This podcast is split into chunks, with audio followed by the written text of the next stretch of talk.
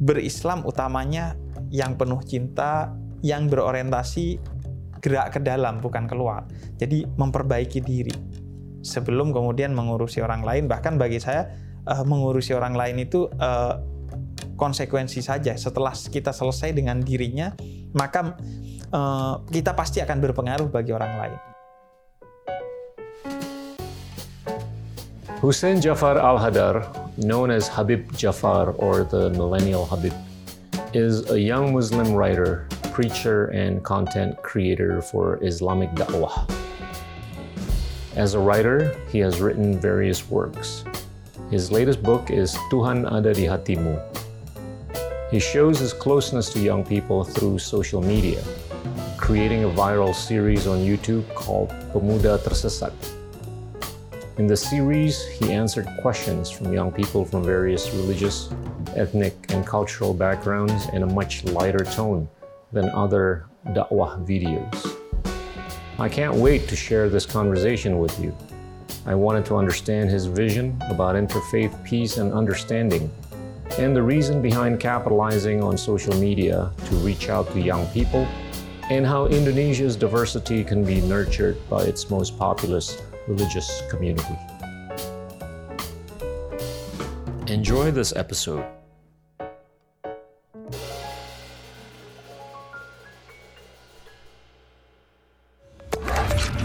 Inilah Endgame.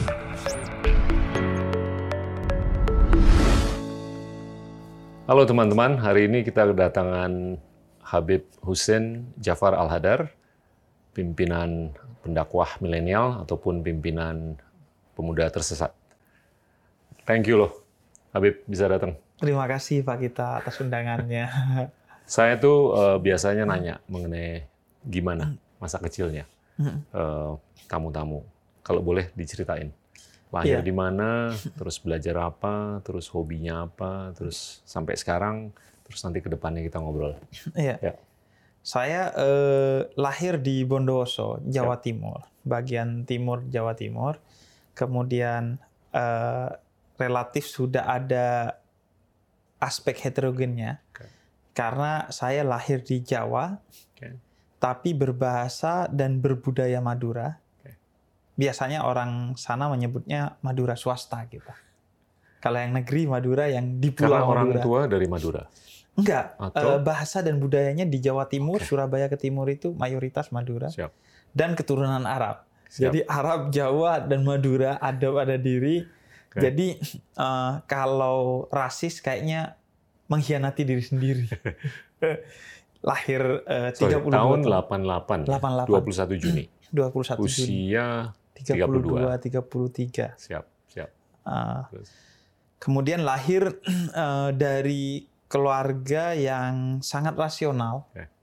beragama secara uh, substansi, tapi juga sangat rasional. Hmm.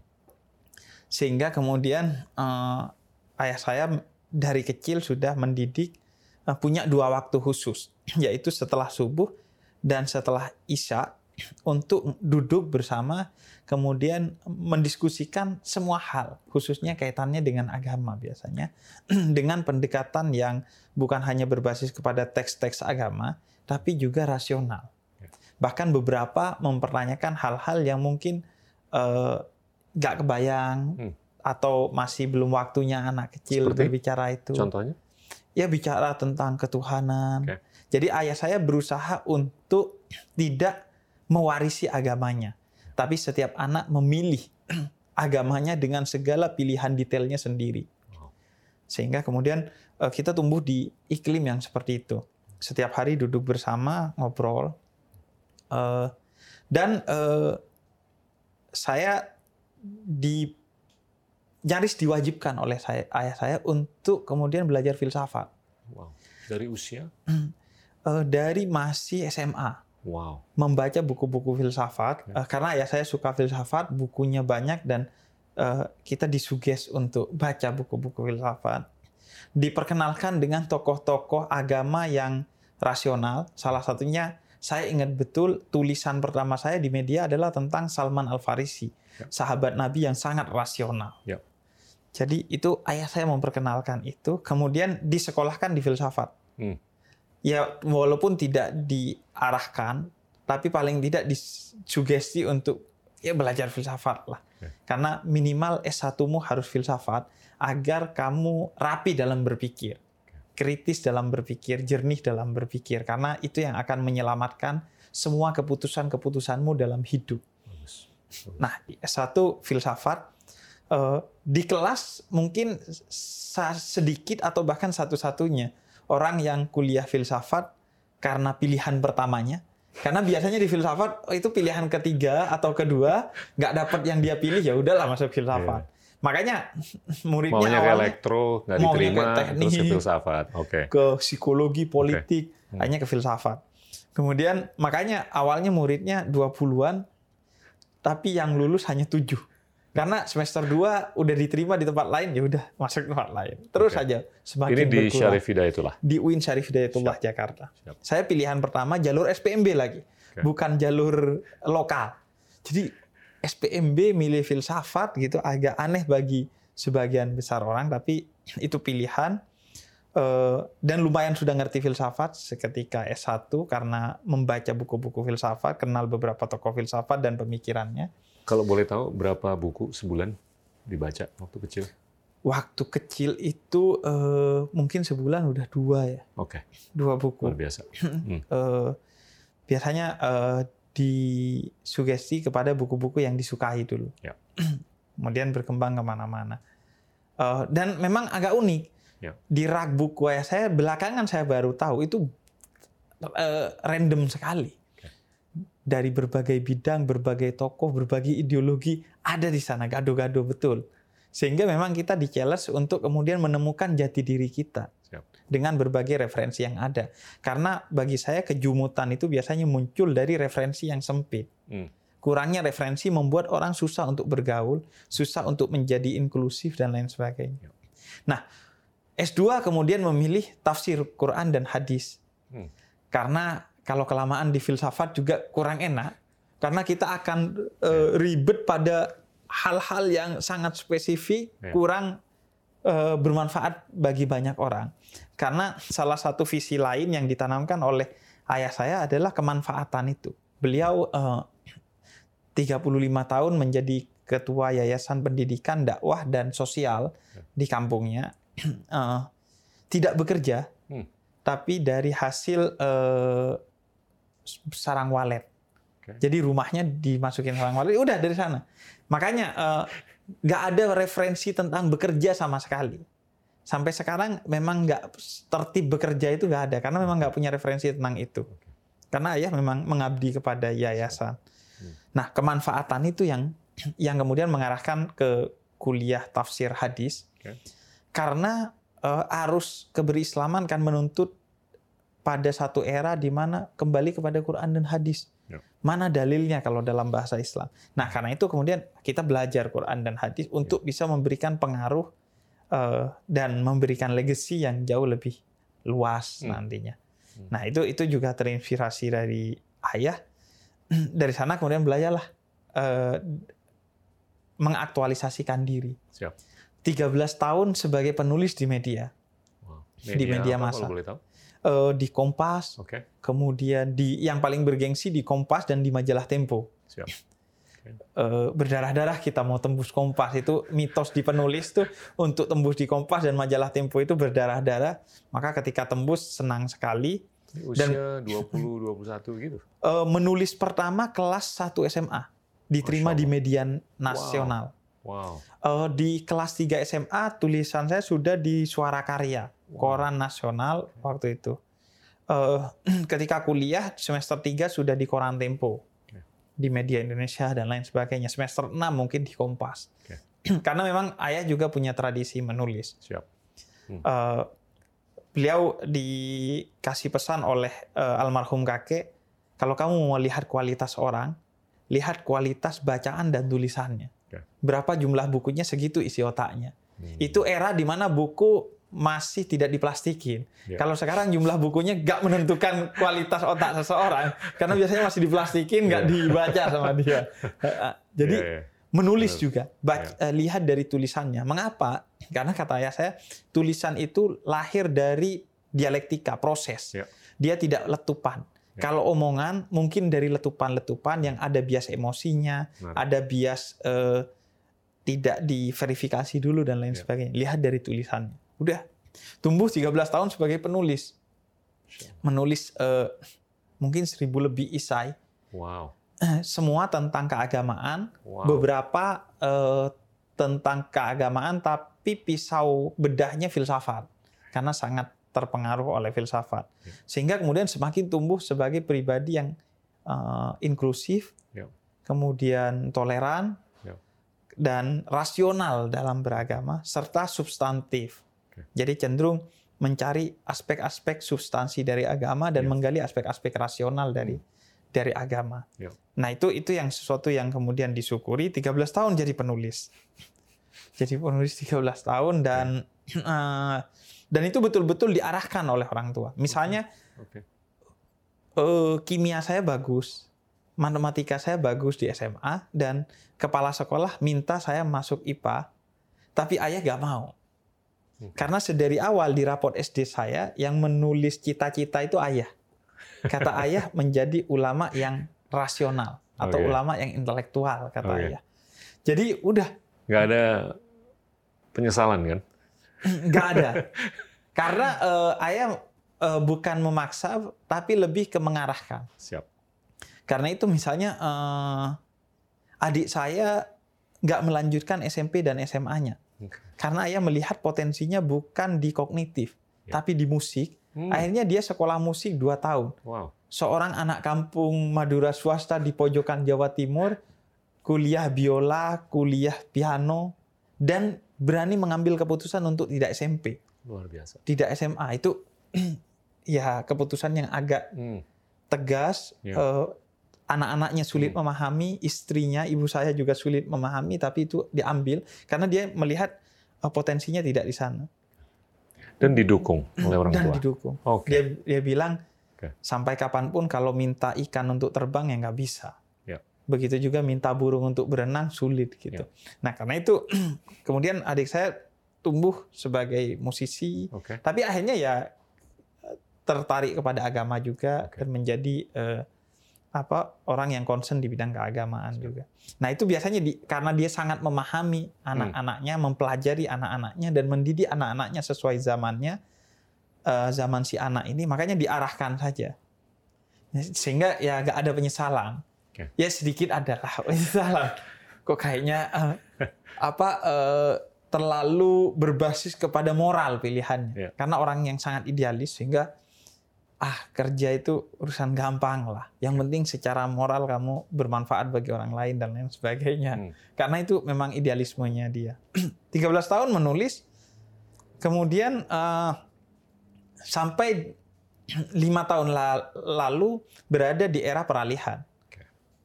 Era digital, digital yep. age masuk, kemudian migrasi. Tulisan di koran udah gak dibaca orang, Hmm. Karena menulis bukan hanya aktualisasi diri, tapi Betul. untuk bermanfaat bagi orang lain. Betul. Hanya menulis di beberapa media online. Ya.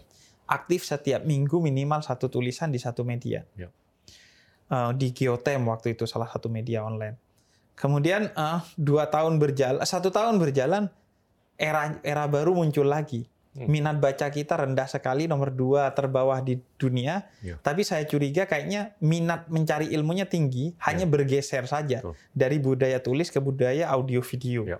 Nah akhirnya memutuskan mikirin gimana uh, mengikuti zaman ini, berpikir untuk bikin YouTube.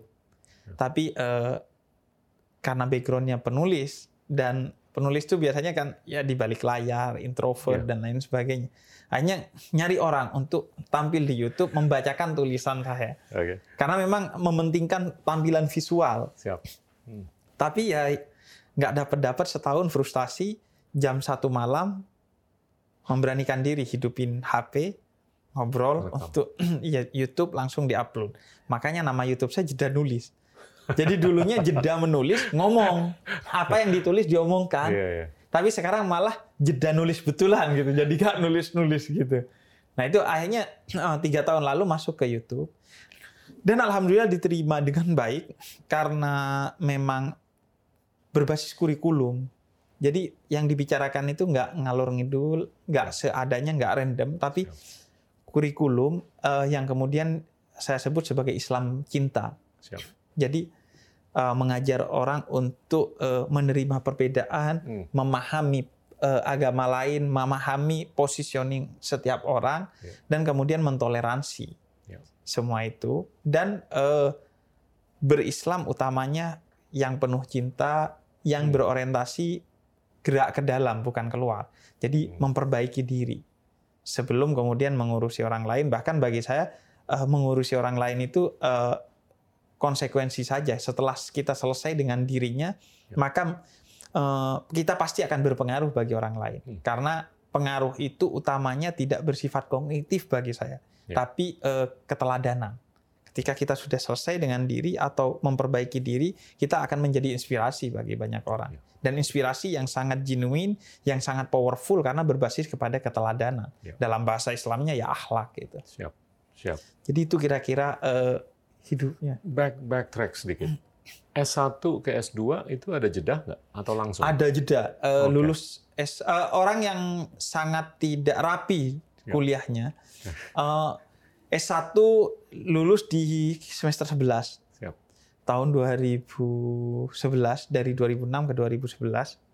Kemudian uh, ke S2 itu 2016 baru S2. Jadi ada waktu lima tahun. Okay. Uh, menjadi penulis, kemudian uh, uh, mengaktualisasikan diri lah secara umum. Mm-hmm. Kemudian 2016 baru lulus 2020. Yeah. Lulus di siang hari ketika sore harinya jam uh, bukan sore harinya. Iya, sore harinya di DO. Jam 12 malam secara sistem okay. di UIN itu sistem. Okay, okay. Itu jam 12 malam di DO.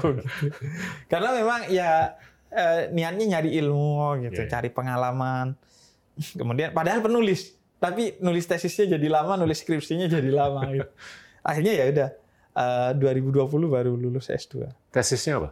S2 tesisnya tentang uh, ayat-ayat membela agama. Okay.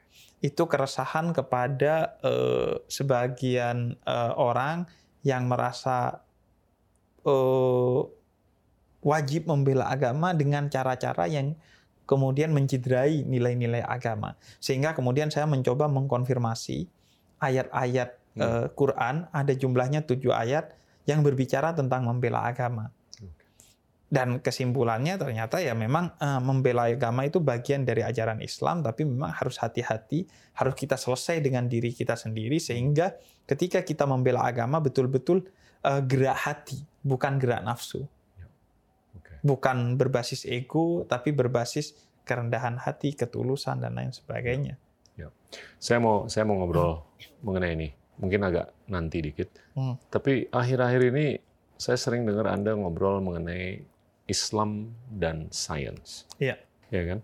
Cerita deh pandangan Anda. Iya, eh, bagi saya Islam adalah eh, agama yang rahmatan lil alamin. Rahmatan lil alamin paling tidak memberikan dua kata kunci. Yang pertama rahmat bagi semua orang, bukan hanya lil muslimin, bukan hanya bagi orang Islam, sehingga saya sangat concern kepada toleransi beragama. Ya. Kemudian yang kedua, lil alamin itu bagi semesta alam. Hmm.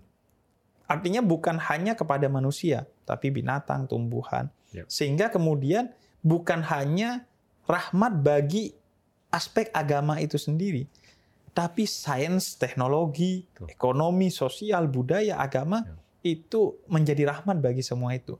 Karena itu saya oh, dari masih S1 di semester 4, 5 atau 6 itu ya. sudah membaca buku-buku uh, yang bertema tentang Islamisasi sains. Dari uh, Ismail Raji Faruqi, ya. Said Nagib Alatas dan lain sebagainya. Kemudian ikut juga bersama Prof Mulyadi Kartanegara di uh, riset-riset tentang Islamisasi ya. ilmu.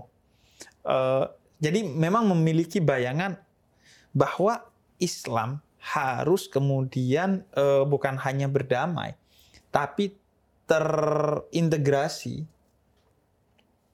dengan uh, sains. Okay. Meskipun pada wilayahnya masing-masing. Yeah. Karena keduanya ini memiliki uh, metodologi yang berbeda. Yeah.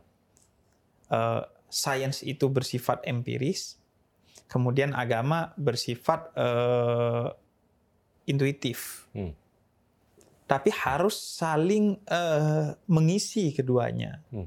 untuk kemudian membangun peradaban yang betul-betul megah, yang betul-betul gagah. Gitu.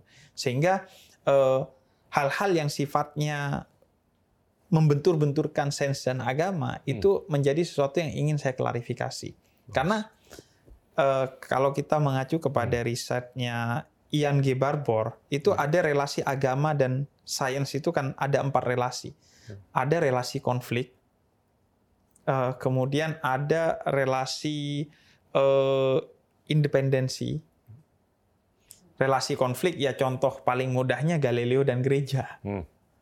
Relasi independen. Dikecam habis dia waktu itu. Iya, ya. dikecam habis karena ya sebenarnya itu berulang Tuh. di Islam uh, teori bumi datar, sebagian orang Islam atau sebagian umat beragama meyakini bumi datar, itu kan kecelakaan-kecelakaan yang buruk sekali bagi peradaban kalau kita pikirkan secara serius. Apa jadinya uh, bumi kalau dikelola oleh orang-orang yang bukan bidangnya, yeah. dikelola secara serambangan. Hmm. Salah satu kecelakaannya misalnya begini. Ketika terjadi bencana ekologis, orang menganggap solusinya adalah teologis. Hmm. Ada banjir di Jawa Barat, ya. orang bilang ya karena terlalu banyak orang mabok di sana, terlalu banyak orang zina di sana. Hmm. Tentu saya bukan melegalkan zina dan mabok, tapi bukan itu masalahnya. Masalahnya adalah sampah dibuang sembarangan, ya. masalah-masalah ekologis. Ya. Salah mendeteksi masalah akan menyebabkan salah juga membuat solusinya. Nah itu kan uh, rentetan masalah karena itu. Nah karena itu kemudian uh, ada era independensi agama dan sen jalan sendiri-sendiri. Ya ini juga bermasalah kalau karena ada uh, irisannya menurut saya antara agama dan sen. Salah satu yang paling mudah seperti ini. Uh, agama itu mengontrol sens yeah. agar selalu bermoral. Siap. Ditemukan nuklir agar gak dijadikan bom untuk membinasakan orang, maka perlu agama di sana. Siap sense agama butuh sense untuk menjamin agar agama bersih dari mitologi-mitologi. Kalau dibiarkan agama ini isinya mitos-mitos karena di, di dalamnya isinya keyakinan. Ya. Karena itu perlu diverifikasi melalui sense ya. dan sense dalam pengertian yang luas, termasuk di dalamnya sosial, filsafat dan lain sebagainya. Ya. Nah, karena itu independensi juga bermasalah. Kemudian integrasi. Hmm penyatuan bagi saya juga bermasalah hmm. karena keduanya punya eh, metodologi yang berbeda. Hmm. Yang paling menarik adalah dialog. Yeah. Dialog. Keduanya saling berdialog, saling menginspirasi, saling menasehati dalam tanda petik yeah. dan bekerja di bidangnya masing-masing untuk bersama mengkonstruksi peradaban yeah. agar lebih maju. Yeah. Nah, itu nah itu menjadi salah satu yang menjadi concern dulu pernah nulis jurnal tentang itu. Yeah kemudian akhirnya ya sering berbicara tentang sains dan agama apalagi yang kemudian uh, berbicara lagi di beberapa episode saya di YouTube karena corona kemarin. Ketika corona kan ada kelompok yang oh, ah corona itu gak ada, takut hanya pada Allah, jangan takut kepada corona. Hmm. Padahal Sayyidina Umar bin Khattab sahabat Nabi yang paling berani ya. dan paling beriman apalagi ditimbang kita, ya ketika di Syam ada uh, pandemi, beliau keluar lari dari pandemi itu. Ketika ditanya kenapa lari dari satu takdir, saya lari dari satu takdir menuju takdir yang lainnya. Paling beraninya orang, paling berimannya orang. Kita udah keberaniannya susu, kemudian keimanannya cetek, sok-sokan uh, bicara bahwa ah gak takut corona, takut Allah. Ini pola pikir yang salah, yang rentetannya iya. dari pemahaman tentang sains dan agama iya. yang bermasalah. Yeah. Nah itu itu yang kemudian uh, kita ingin benahi. Padahal Al-Quran bicara ada 49 ayat yang menantang kita untuk berpikir. Afala tatafakkarun, afala ta'kilun. Ayo berpikir kata hmm. Allah. Ayo kamu gunakan ilmu. Yeah. Kemudian Al-Quran juga banyak ayat-ayat yang berbicara tentang kosmologi, hmm. tentang alam semesta. Kemudian Al-Quran dan Nabi ketika meminta kita untuk mempelajari ilmu, Nabi gak secara spesifik bilang ilmu agama, ya. tapi semua ilmu. Dan uh, sering kita lupa bahwa yang dilawan oleh Nabi adalah kejahiliahan. Jahiliyah itu akar katanya jahil yang artinya kebodohan. Orang sering menganggap uh, zina itu haram, tapi bodoh itu boleh. Gitu. Padahal Islam sangat menentang kebodohan. Ya. Sehingga seharusnya buta huruf, uh, itu menjadi musuh Islam. Ya kemudian uh, literasi kita yang rendah itu seharusnya menjadi uh, objek dakwah Islam dan lain sebagainya. Nah, Islam sebagai uh, way of life, sebagai world view itu yang sekarang tereduksi. Ya. Sehingga saya ingin kemudian ya ayo kita uh, mencoba menjadikan uh, semuanya itu rukun untuk sama-sama memajukan. Ya memajukan di level terendah, memajukan diri sendiri. Ya. Jangan sampai ada konflik sens dan agama di kepala kita, kemudian memajukan bangsa, memajukan dunia. Tuh. Tuh. Itu yang ini. Emang nggak gampang memadukan ya. sains dan religi atau agama kan. Bahkan kalau kita mengacu ke Isaac Newton, hmm. ahli fisika, yang pertama kali menemukan teori gravitasi, itu kan dia dikecam habis. Tentunya beberapa abad sebelumnya Galileo kan, tapi itu secara nggak langsung dia menganulir superstisi. Mm. Dia menganulir sorcery atau kedukunan, kedukunan. yang sangat rampan mm. di Eropa.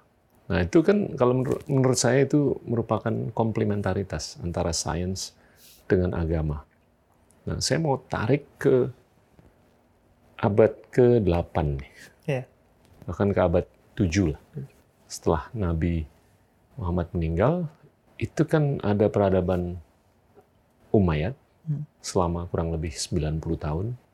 Terus peradaban Abbasid selama 400 sampai 500 tahun.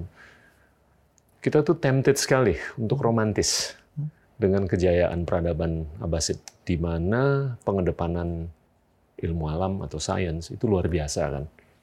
Salah satunya adalah Al-Khwarizmi hmm. yang menemukan aljabar, matematika, dasar untuk astronomi dan segalanya. Tapi setelah itu 1258 semenjak hmm. Bulagukan Mongol itu nyerang Baghdad. Kayak kita tuh mengalami masa panjang yang agak-agak vakum atau relatif vakum. Hmm dengan scientific discoveries hmm. di kalangan Muslim ya. Yeah. Bisa dibilang Ottoman dulu cukup jaya selama 500-600 tahun, tapi mereka nggak bisa mengedepankan sains seperti apa yang kita lihat selama 400-500 tahun di zaman peradaban Abbasid. Yeah. Nah, cukup keren kan hmm. Indonesia sebagai negara Muslim terbesar hmm. di dunia untuk mulai bercakap mengenai gimana nih langkah apa nih yang kita bisa ambil ke depan untuk bisa mengedepankan scientific discovery dan juga beragama at the same time. Saya curious, pandangan Habib gimana? Iya, uh, Islam tereduksi sedemikian rupa, ya. uh, apalagi sekarang, kemudian menjadi uh, agama hukum semata bagi sebagian Siap. orang atau bahkan bagi sebagian besar orang. Uh, ya kalaupun melebar mungkin hanya ke politik. Itu pun karena pragmatisme, yeah. bukan pengabdian. Yeah. Sehingga kemudian tereduksi sedemikian rupa uh, menjadi agama hukum saja. Hmm. Hmm. Sehingga kemudian tidak berkembang hal-hal yang sifatnya sains, baik sains dalam pengertian ilmu alam maupun sains dalam pengertian ilmu sosial. Ya. Misalnya kajian tentang uh, antropologi, kajian tentang uh, naskah, filologi, itu kan sebenarnya sangat penting dalam Islam. Tapi ya uh, tidak berkembang pesat, apalagi di sains dan teknologi gitu. Umat Islam hanya menjadi konsumen ya. bagi penemuan-penemuan sains dan teknologi. Sehingga kemudian ada semacam era di mana kemudian ya agama itu agama, kemudian yang lainnya ya yang lain gitu. agama itu hanya ada di masjid akhirnya. Jangankan sains, kesalehan saja itu hanya bersifat ritual bagi sebagian orang. Padahal agama lahir dengan visi sosial. Hmm. Kesalehan itu kesalehan sosial. Yeah. Bahwa semua kesalehan ritual itu eh, hilirnya kepada kesalehan sosial harusnya. Misalnya inna sholat tanha anil fahsya'i wal munkar. Sholat itu kata Allah dalam Al-Quran untuk mendidik kamu menjadi pribadi yang tidak keji dan tidak mungkar kepada orang lain. Orang beriman itu memberi rasa aman kepada orang lain kata Nabi. Itu itu saja masih PR kita. Hmm. Belum lagi kemudian ke sains dan teknologi dan lain sebagainya. Hmm. Padahal uh, sebenarnya jejak-jejak itu walaupun tidak sebesar di era Abbasiyah, jejak-jejak itu masih ada ya, ya. Uh, di di peradaban Islam. Tapi memang tidak mainstream. Siap. Kita misalnya punya uh, nama kalau dalam kita mengacu kepada Nobel, Nobel Fisika itu ada nama Abdus Salam. Ya. Uh, seorang Pakistan. Ahmadiyah.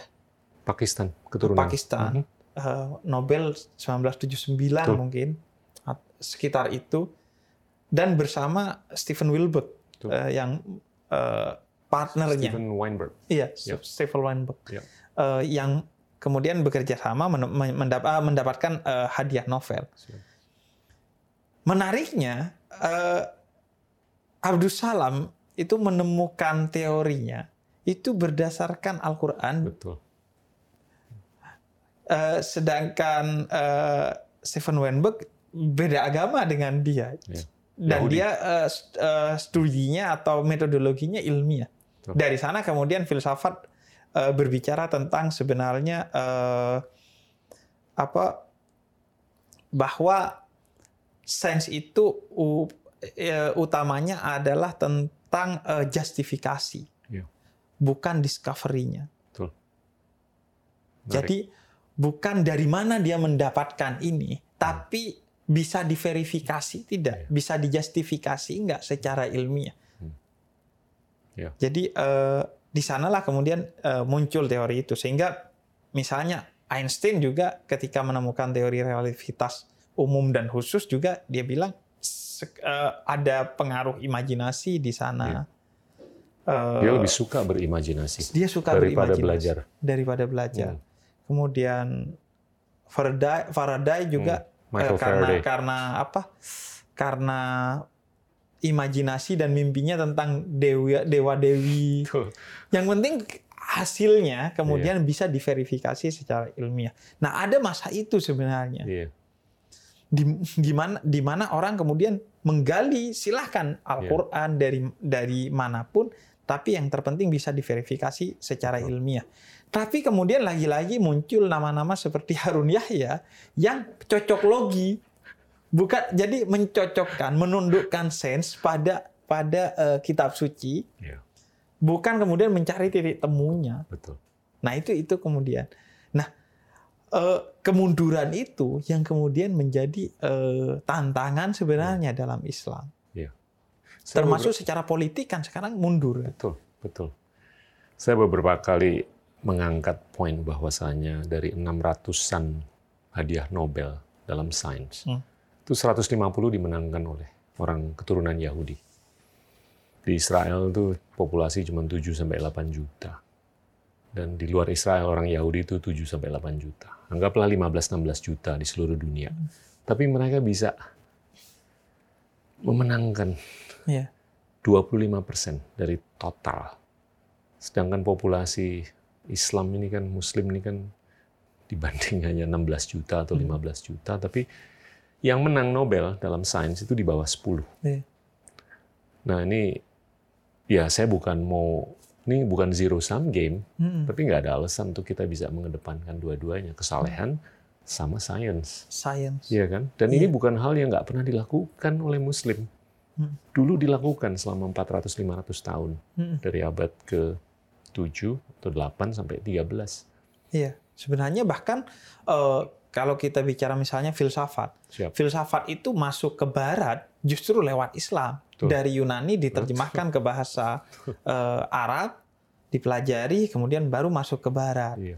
Uh, berbagai uh, kemudian kita punya namanya uh, perpustakaan perpustakaan Baitul Hikmah dulu ya, yang kemudian menjadi sumber rujukan bagi wisdom. Barat. Hmm. Bahkan uh, Nur Khalis Majid almarhum Cak Nur bilang HAM itu itu Barat belajar dari Islam. Orang-orang uh, Sarasan, orang Arab Muslim yang kemudian membawa nilai-nilai HAM yang kemudian dipelajari oleh Barat karena HAM itu uh, menurut beliau itu sudah disampaikan oleh Quran dan ditegaskan kembali oleh Nabi dalam khutbah wadaknya, khutbah ya. terakhirnya Nabi, bahwa perempuan uh, setara dengan laki-laki, ya. bahwa tidak boleh ada darah yang tumpah secara sia-sia, ya. bahwa uh, harta orang harus dilindungi, ya. property right lah kalau Betul. kita bicara dalam logika uh, HAM di Barat, itu ya. dilindungi dalam Islam. Ini kan sebenarnya justru Barat yang belajar pada ya. Islam, tapi sekarang kan kondisinya terbalik.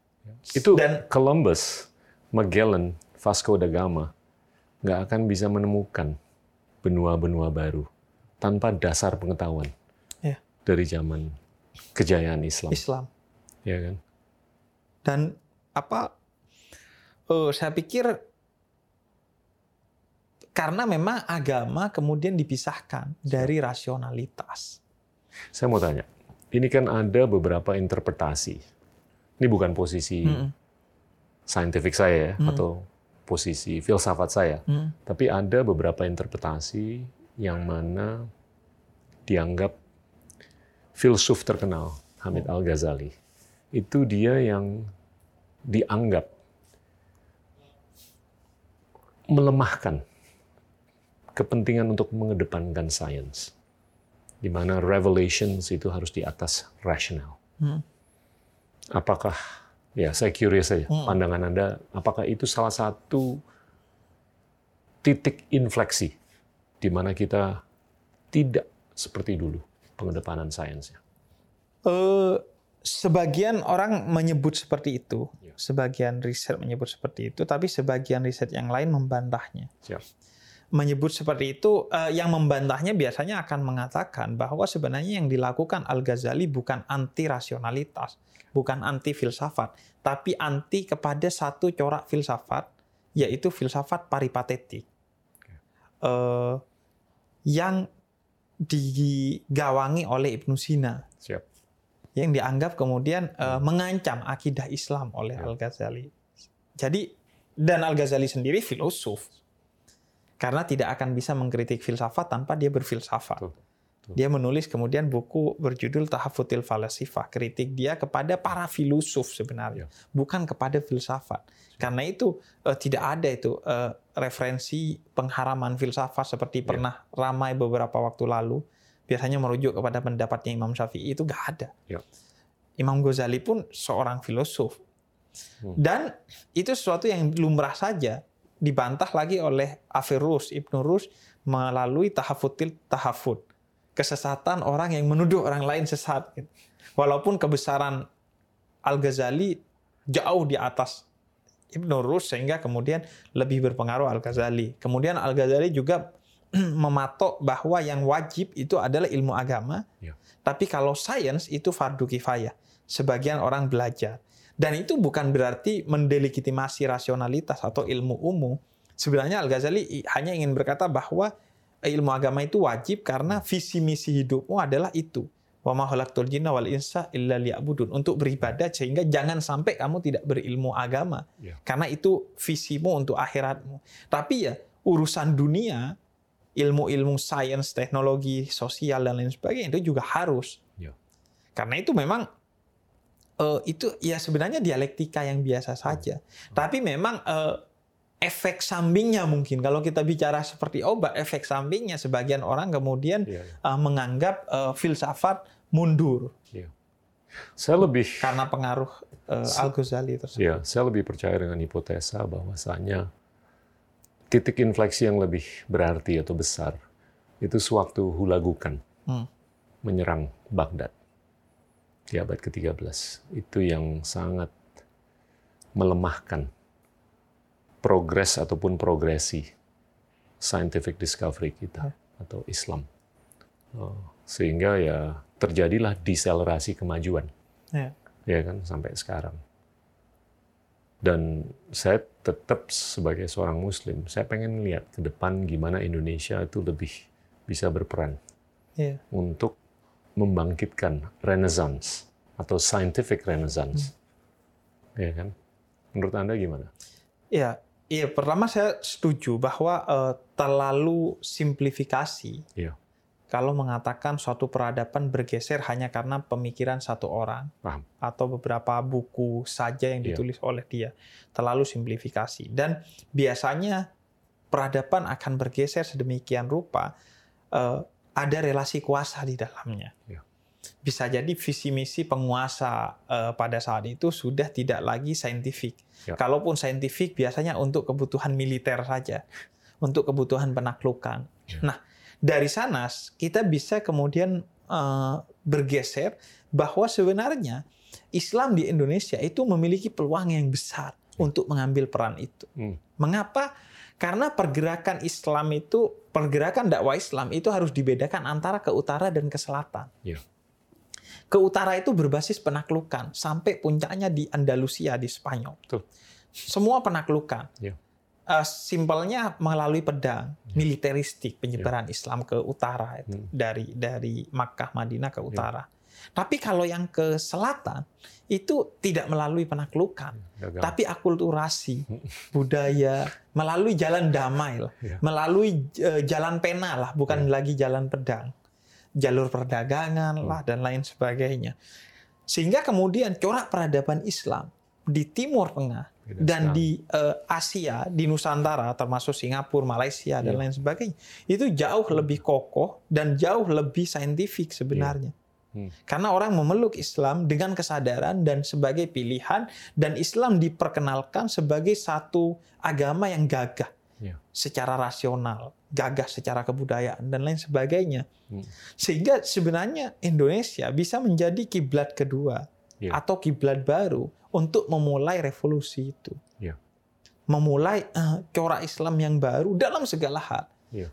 Dalam sains dan teknologi. Yeah. Uh, kemudian yang kedua dalam toleransi. Yeah. Karena jejak toleransi kita jauh lebih besar. Wow. Dari awal memang toleran, soft masuk yeah. Islam ke sini. Kemudian dengan kebudayaan, kemudian dengan isu kebangsaan. Kalau di Timur Tengah kan dari dulu sampai sekarang nggak kelar-kelar pan Islamisme, pan Arabisme. Itu sulit. Orang Islam di Timur Tengah itu menyatukan Arabisme dan Islamisme itu sulit. Yeah. Di sini kan nggak. Yeah. Mudah sekali. Kita ya Pancasila iya, Islam iya. Dan itu gagasan yang genuine, yang revolusioner, yang seharusnya menjadi uh, titik bagi kita yeah. untuk berperan lebih besar. Apalagi kita bukan hanya unggul dalam keislaman kan, dalam demokrasi kita juga unggul. Secara geopolitik juga kita strategis. Betul. Tapi ya itu lagi-lagi ya soal uh, kesadaran iya, itu. Iya. Sebenarnya almarhum Gus Dur luar biasa. Luar biasa kan. Luar dia biasa. pergi ke sana kemari untuk kemudian hmm. menaikkan daya tawar ya. Indonesia dalam hmm. segala hal di pergaulan internasional. Saya mau tarik ke poin-poin yang Anda baru angkat seperti kecintaan, toleransi dan geopolitik. Tapi pertanyaan terakhir saya yang terkait sains hmm. garis miring teknologi.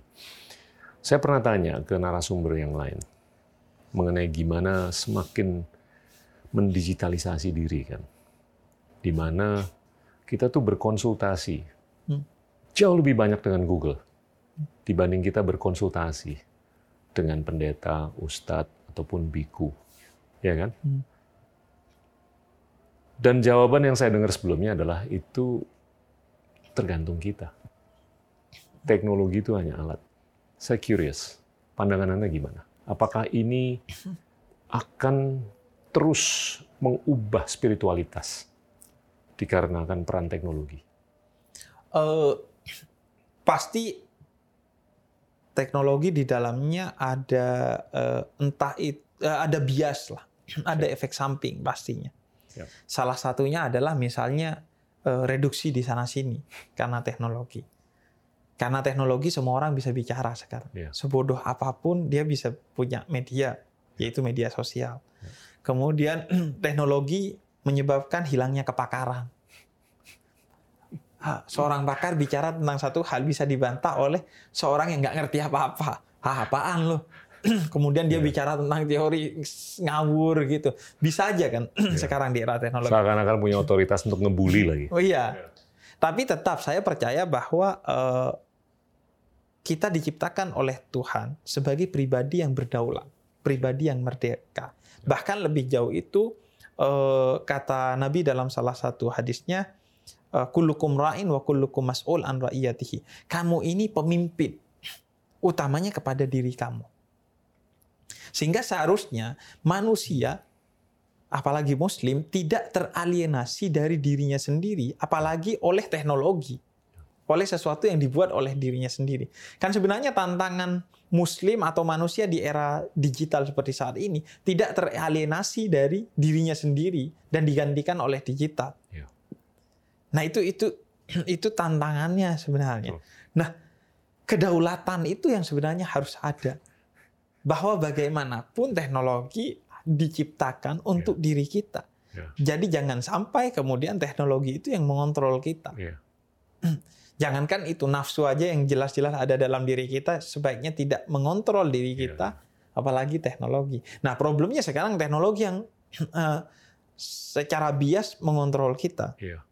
Misalnya saya pernah ditegur, YouTube isinya dakwah, tapi iklannya porno, yeah. kata orang. Yeah. Padahal algoritma Anda yang bermasalah. Berarti Anda suka buka porno. Makanya iklannya porno. Cek aja browse, browser istrinya. Saya sering bilang sekarang uh, iman dan takwa orang itu bisa dicek dari FYP TikToknya. Kalau isinya eh, hal-hal uh, yang nyerempet-nyerempet pornografi ya berarti iman dan takwanya ya sekelas iya. itu sudah. Iya. Jadi uh, algoritma itu yang kemudian mendidik iya, kita, betul. bukan kita yang menciptakan algoritma. Iya. Karena itu saya uh, mengikuti mendorong, dan menggiring. Menggiring. Iya. Makanya saya nggak uh, mendorong orang untuk tidak digiring oleh algoritma. Iya. Misalnya di era polarisasi seperti sekarang, Waduh. jangan mau uh, dibuat dalam kelompok-kelompok seperti Hena, echo chamber gitu. Iya. Ketika algoritma mau ke kanan, ya udah kamu ke kanan aja, iya. gak pernah membaca kiri sehingga kamu terus mendapatkan pembenaran bukan iya. kebenaran. Nah ini menarik. Banyak orang mengatakan bahwasanya agama itu malleable. Sifat lunaknya itu bisa dibentuk hmm. oleh apa pun yang kita tuangkan. Ya. Iya kan? Ibarat kata kalau ada rampok sama ustadz, dua-duanya baca ayat yang sama dari Quran, si rampok ini bisa menggunakan ayat yang sama untuk menjustifikasi ya. perampokan hmm. dibanding seorang ustadz untuk menjustifikasi perilakunya dia untuk memberikan dakwah hmm. yang bijaksana. Nah, itu kan tergantung nilai hidup seseorang. Ya ujung-ujungnya pemberdayaan teknologi, pemberdayaan apa pun dan pemberdayaan apa pun yang kita baca, interpretasinya kan sebetulnya tergantung konstruksi sosial kita. Iya. Iya kan? Nah, gimana nih untuk kita bisa mengindahkan konstruksi tersebut atau merekonstruksi yeah. konstruksi awal yang mungkin kurang berkenan? Iya, uh, sebenarnya kalau dalam sejarah Islam memang sering terjadi fenomena-fenomena seperti itu. Ya. sama-sama orang Islam saling mendelegitimasi dengan ya. ayat yang sama. Ya. uh, misalnya kalau dalam sejarah Islam ada uh, konflik antara uh, uh, Sayyidina Ali bin Abi Thalib. Ini bukan di Islam aja, di agama lain di juga. semua. Ayat yang sama itu bisa diinterpretasi untuk kepentingan yang berbeda. Iya, bahkan ya kan? kita bisa bisa lebih jauh bicara uh, di aspek yang sekuler. Yeah. Misalnya kalau dalam aspek hukum sekuler UU ITE bisa ditarik sekaret mungkin. Betul. Dan ayat-ayat suci itu bisa lebih melar dari UU ITE kalau ditarik oleh nafsu kita. Ada uh, dalam sejarah Islam uh, Sayyidina Ali dan Muawiyah misalnya. Kemudian ya sejarah itu selalu ada ya sekarang apalagi polarisasi di internal umat Islam atau internal umat beragama masing-masing hmm. saling mendelegitimasi dengan ayat dan hadis yang sama. Ya. Sebenarnya kalau dalam Islam uh, konstruksi itu sudah disiapkan. Ada misalnya uh, transmisi keilmuan yang disebut dengan sanat. Orang silahkan belajar kepada teknologi, ya. tapi ustadz yang mengisi di teknologi itu harus memiliki sanat yang kuat sehingga punya kompetensi. Ya. Atau hoax dalam Islam itu ada dalam ilmu hadis jangan gampang percaya. Hmm. Bahkan dalam ilmu hadis orang kalau pernah kelihatan kencing sembarangan saja udah uh, integritasnya di, di, di sudah berkurang yeah. untuk merawikan hadis, meriwayatkan hmm. hadis. Nah, di era hoax sekarang sebenarnya verifikasi yeah. atau tabayun dalam bahasa Islam itu menjadi sesuatu yang penting yeah. dan itu sudah ada uh, hazanahnya. Nah, begitu juga dalam hal yang tadi interpretasi itu menjadi sangat penting. Quran itu suci tapi interpretasi penafsirannya itu tidak suci. Yeah. Maka dia bisa ditarik ke mana-mana hmm. sehingga poinnya adalah penafsir-penafsir Al-Quran, pembaca-pembaca dan penginterpretasi ayat-ayat suci, baik itu Islam maupun non-Muslim, itu termasuk juga ayat-ayat uh, eh, KUHP hmm. dan lain dan undang-undang itu harus memastikan dirinya ya. bebas dari uh, pertama nafsu, yang kedua bebas dari kepentingan. Ya. Karena itu di Quran lah ya mashu ilal mutakharun seharusnya yang memegang Al-Quran, kata Quran adalah seorang yang suci. Ya. Secara hukum suci secara lahir, pegang Al-Quran harus berwudu, hmm. tapi yang jauh lebih mendalam secara batin hmm. harus suci juga ketika dia mau membaca dan menafsirkan Al-Quran. Suci hatinya, jernih pikirannya, ya. tidak bias kepentingan, tidak bias ego. Ya. Sehingga kemudian uh, dia yang tunduk kepada kitab suci, bukan kitab suci yang ditundukkan kepada uh, nafsunya. Dia mencari kebenaran di kitab iya. suci, bukan dia mencari pembenaran di kitab suci. Nah itu eh, murni soal kembali kemudian uh, otoritas dan kemudian uh, otoritas secara kognitif, intelektual maupun secara spiritual. Dia harus punya alat-alatnya, bahasa Arab, uh, uh, ilmu hadis, ilmu Quran, ulumul Quran, dan punya itu uh, tidak ada bias ini dan itu dalam dirinya. Dengan kenyataan seperti ini, nggak bisa dimungkiri kan, bahwasanya harus dilakukannya social re-engineering. Iya. Iya kan? Agar kita bisa menuangkan nilai-nilai yang lebih positif. Agar interpretasi dari apa pun yang dibukukan, diayatkan, itu lebih berkenan ke depan. Yeah. Nah itu gimana tuh untuk melakukan social re-engineering atau cultural re-engineering? Iya. Uh, kalau yang diproyekkan oleh saya dalam uh, pengajaran atau dakwah Islam mm -hmm. adalah mengembalikan Islam pada aspek spiritualitasnya. Siap. Kalau dalam bahasa Islamnya adalah tasawuf. Yeah. Uh, yang kemudian kalau disebutkan tasawuf, mungkin generasi milenial agak apaan nih tasawuf tasawuf ah gak asik deh. Maka saya kemudian kemas menjadi Islam cinta, disebutnya Islam cinta. Islam yang berorientasi ke, kepada spiritualitas, yang utamanya berorientasi ke dalam, otokritik sebelum mengkritik keluar. Karena kejernihan itu yang dibutuhkan, kejernihan pikiran dan kejernihan hati. Tanpa kejernihan itu tidak akan lahir otoritas-otoritas agama yang kompeten, hmm. yang bisa menjadi rujukan. Yeah. Dan tanpa itu tidak akan lahir generasi Muslim yang Islami. Yeah. Ya cari Muslim itu banyak. Riset dari uh, Ma'arif Institute yeah. itu menyebutkan kota paling Islami di Indonesia itu Denpasar. Justru yang mayoritas non Muslim. Dan yang di bawah-bawah itu justru eh, kota-kota yang Islamnya banyak. Kalau kita nggak percaya kepada riset Ma'arif Institute, riset dari Kementerian Agama tentang indeks kerukunan agama. Itu yang rukun justru Bali dan Pasar. Ya. Karena memang banyak orang Muslim, tapi tidak ada Islam di sana. Ya. Dia tidak menginternalisasi ya. dan tidak menteladankan nilai-nilai Islam. Ya. Nah, karena itu dakwah saya adalah dakwah Islam cinta, dakwah tasawuf, dakwah ke dalam. Ya. Mari kita benahi diri kita. Ya.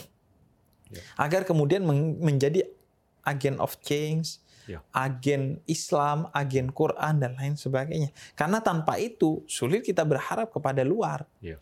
Kalau ke dalam diri saja tidak melakukan otokritik, bagaimana kita bisa mengkritik secara genuine, secara fair keluar? Karena itu uh, saya lebih kemudian mengajak uh, generasi Muslim milenial secara umum, secara uh, khusus, secara umum generasi beragama atau bahkan generasi yang gak beragama, uh, moralitas ke dalam itu ya. yang harus dibangun. Agar kemudian segala sesuatu ditanam atau dibangun di atas fondasi kejernihan. Ya. Tidak fondasi pragmatisme, egoisme. Dan lain sebagainya. Memupuk, merawat hal-hal seperti itu tuh bagus sekali dan saya tetap percaya itu ada korelasinya dengan kapasitas kita untuk membuahkan kesejahteraan yang inklusif. Ya kan? Sulit juga untuk kita memupuk kecintaan dan segalanya, tapi nggak ada makanan di atas meja. Yeah. Anda beberapa kali menyebut polarisasi, ya kan? Polarisasi ini sangat berkorelasi dengan kesenjangan. Ya kan? Orang semakin ke kiri semakin ke kanan. Secara empiris ini nyata. Karena kesenjangan. Rasio koefisien gini meningkat 37-38 dibanding angka yang lebih rendah beberapa tahun yang lalu. Kalau itu nggak diobati semakin sulit untuk kita merawat atau memupuk atau memperbaiki hal-hal yang perlu diperbaiki ke depan. Nah, kita bisa ngambil contoh lah beberapa negara yang multi ras, multi etnis, multi agama. Indonesia sangat multi ras, multi etnis, multi agama. Tapi ada negara lain, contohnya Singapura lah, yeah. turunan India, Melayu, sama Chinese. Tapi mereka tuh cukup konsisten, bisa mengeri distribusi kesejahteraan.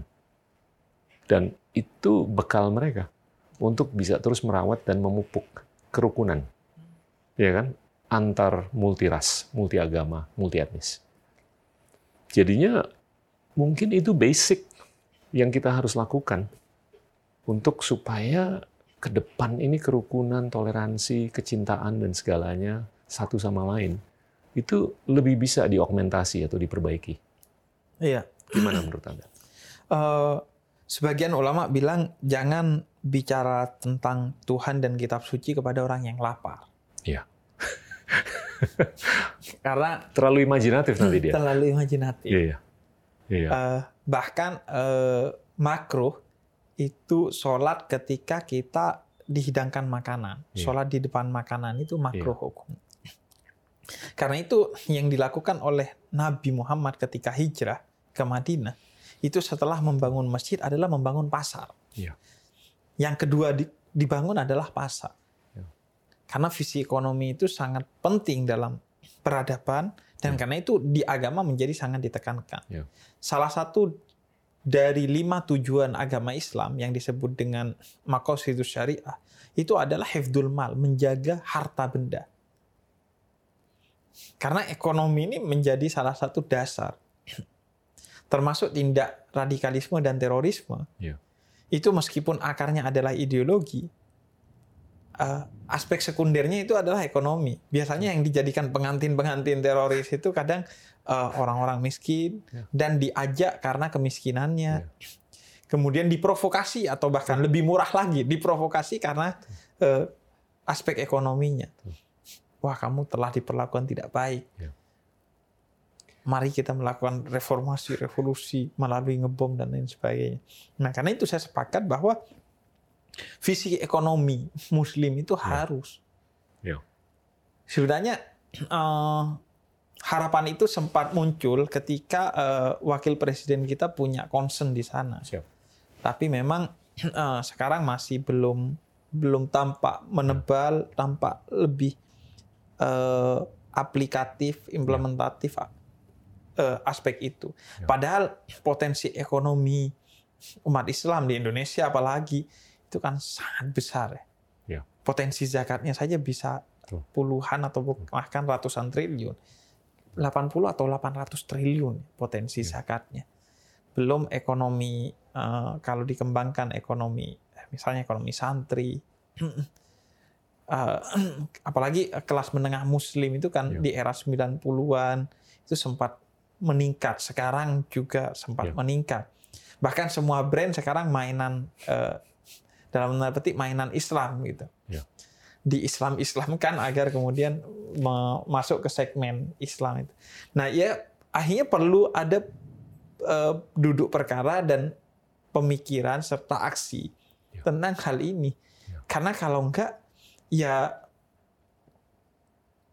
budak itu kan utamanya ekonomi aspeknya. Betul. Kalau enggak kita akan terus menjadi budak bagi siapa yang membayari kita. Ya.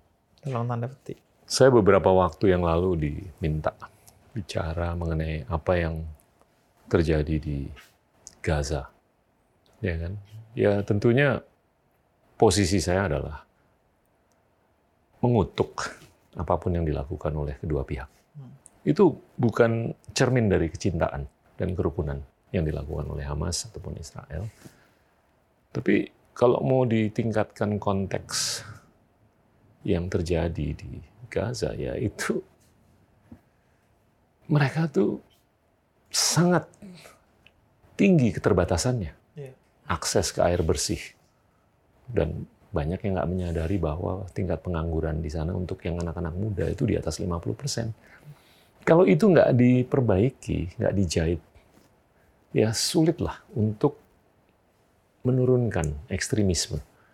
Dan itu kalau menurut saya simbolik untuk apa pun yang siapa pun harus lakukan di mana pun. Ya, ya kan? Untuk ya. membina kerukunan, cintaan satu sama lain dan segalanya. Iya, karena uh, kepemilikan akan akses air, akses ya. sumber daya, ya itu uh, sesuatu yang sangat mendasar dalam Islam. Ya. Bahkan uh, secara hukum apa yang ada di dalam bumi ini kan kalau dalam logika Islam harus dimiliki oleh negara. Ya. Agar kemudian uh, terdistribusi dengan baik ya. bagi halayak ramai. Nah, ya tanpa itu kemudian akan terjadi konflik kelas. Ya uh, kecemburuan ekonomi, sosial, ya. dan lain sebagainya. Nah, payahnya ini seolah-olah tidak menjadi urusan umat Islam. Seolah-olah tidak menjadi urusan para pendakwah. Ya. Kecuali paling hanya aspek donasi, itu ya. aja yang dikerjakan. Betul. Betul. Oh, ekonomi juga begitu. Apa yang disebut dengan ekonomi syariah ya lebih masih kecenderungannya pada uh, aspek akad saja, festival-festival labeling-labeling saja. Ya. Tidak mengakar kepada aspek paradigmanya. Ya. Karena paradigma ekonomi Islam kan sebenarnya adalah pendistribusian uh, properti, ya. pendistribusian uh, kepemilikan. Hmm. Jangan sampai mengendap di satu titik atau satu person atau satu kelompok. Ya. Itu kan yang sebenarnya dikehendaki oleh Nabi. Karena itu Nabi itu selain bikin pasar, itu bikin uh, sufah. Ya. Ahlus sufah itu orang yang miskin, tunawisma, nggak punya istri, nggak punya apa-apa, ya. ditampung di samping masjidnya Nabi. Ya. Baru dari sana Nabi ngajar, ya. muncullah nama-nama seperti uh, sahabat Nabi Abu Hurairah ya. radhiyallahu an. Itu ya muncul karena setelah dikasih makan dulu, dikasih tempat tinggal, baru kemudian belajar dan kemudian mengembangkan ilmu pengetahuan Islam. Dalam hal ini hadis. Ya ya kalau kita merujuk ke sana ya itu yang seharusnya dilakukan. Dan gimana Nabi juga bisa bersahabat dengan orang Yahudi juga di Medina, iya. ya kan? Salah nah, satunya Abdullah bin Salman iya. yang convert ke Islam juga akhirnya. Nah, Bagaimana kan Nabi juga melakukan bahkan melakukan transaksi, Betul. menggadaikan uh, barangnya ke orang Yahudi. Iya. Oke, okay, saya mau bicara. Oke, okay, Indonesia ini kan negara Muslim terbesar di dunia demokrasi terbesar nomor tiga di dunia, populasi terbesar nomor empat di dunia. Bisa dibilang kita lebih bisa berperan kan untuk menjembatani, ya kan, antar A dengan B, apa pun yang terjadi di Timur Tengah, yeah.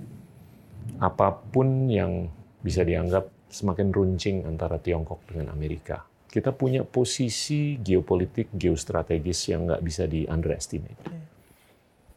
Saya ingin tahu pandangannya Habib gimana ke depannya ini. Nah ini udah di bagian di mana kita udah mulai bicara mengenai Indonesia the future nih. Iya. Ya kan? Gimana?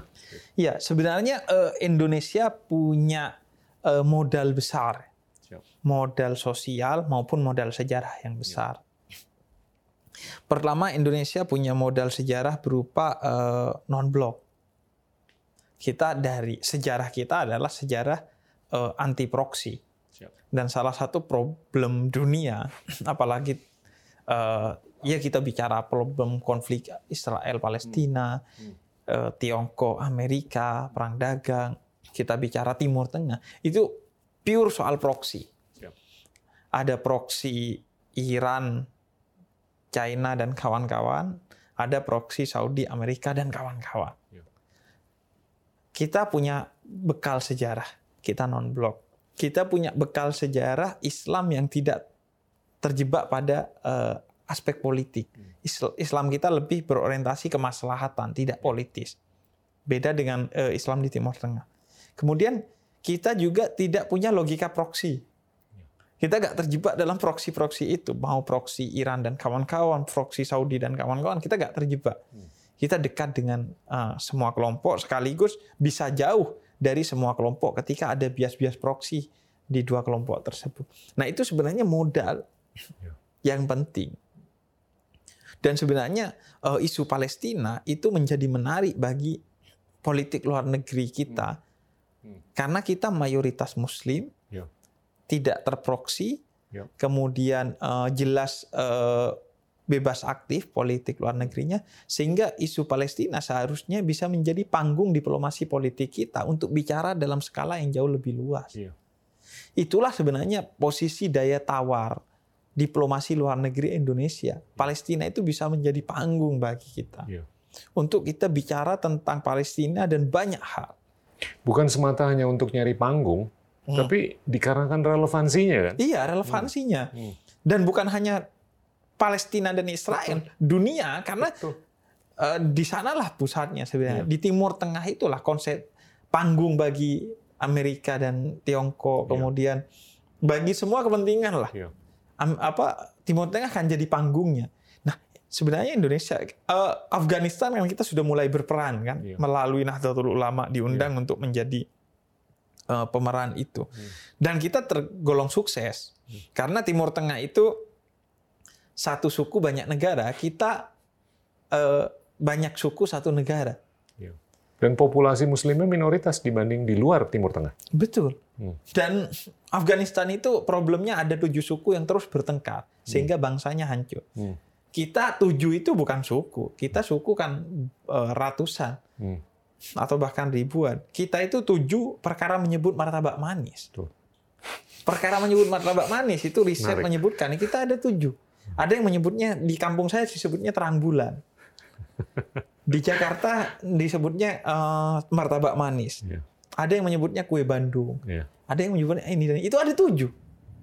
Ini keragaman, ini berkah atau bencana kan kita yang menentukannya. Yeah. Dan kita selama ini sudah terbukti bisa mengelola keragaman ini dengan baik.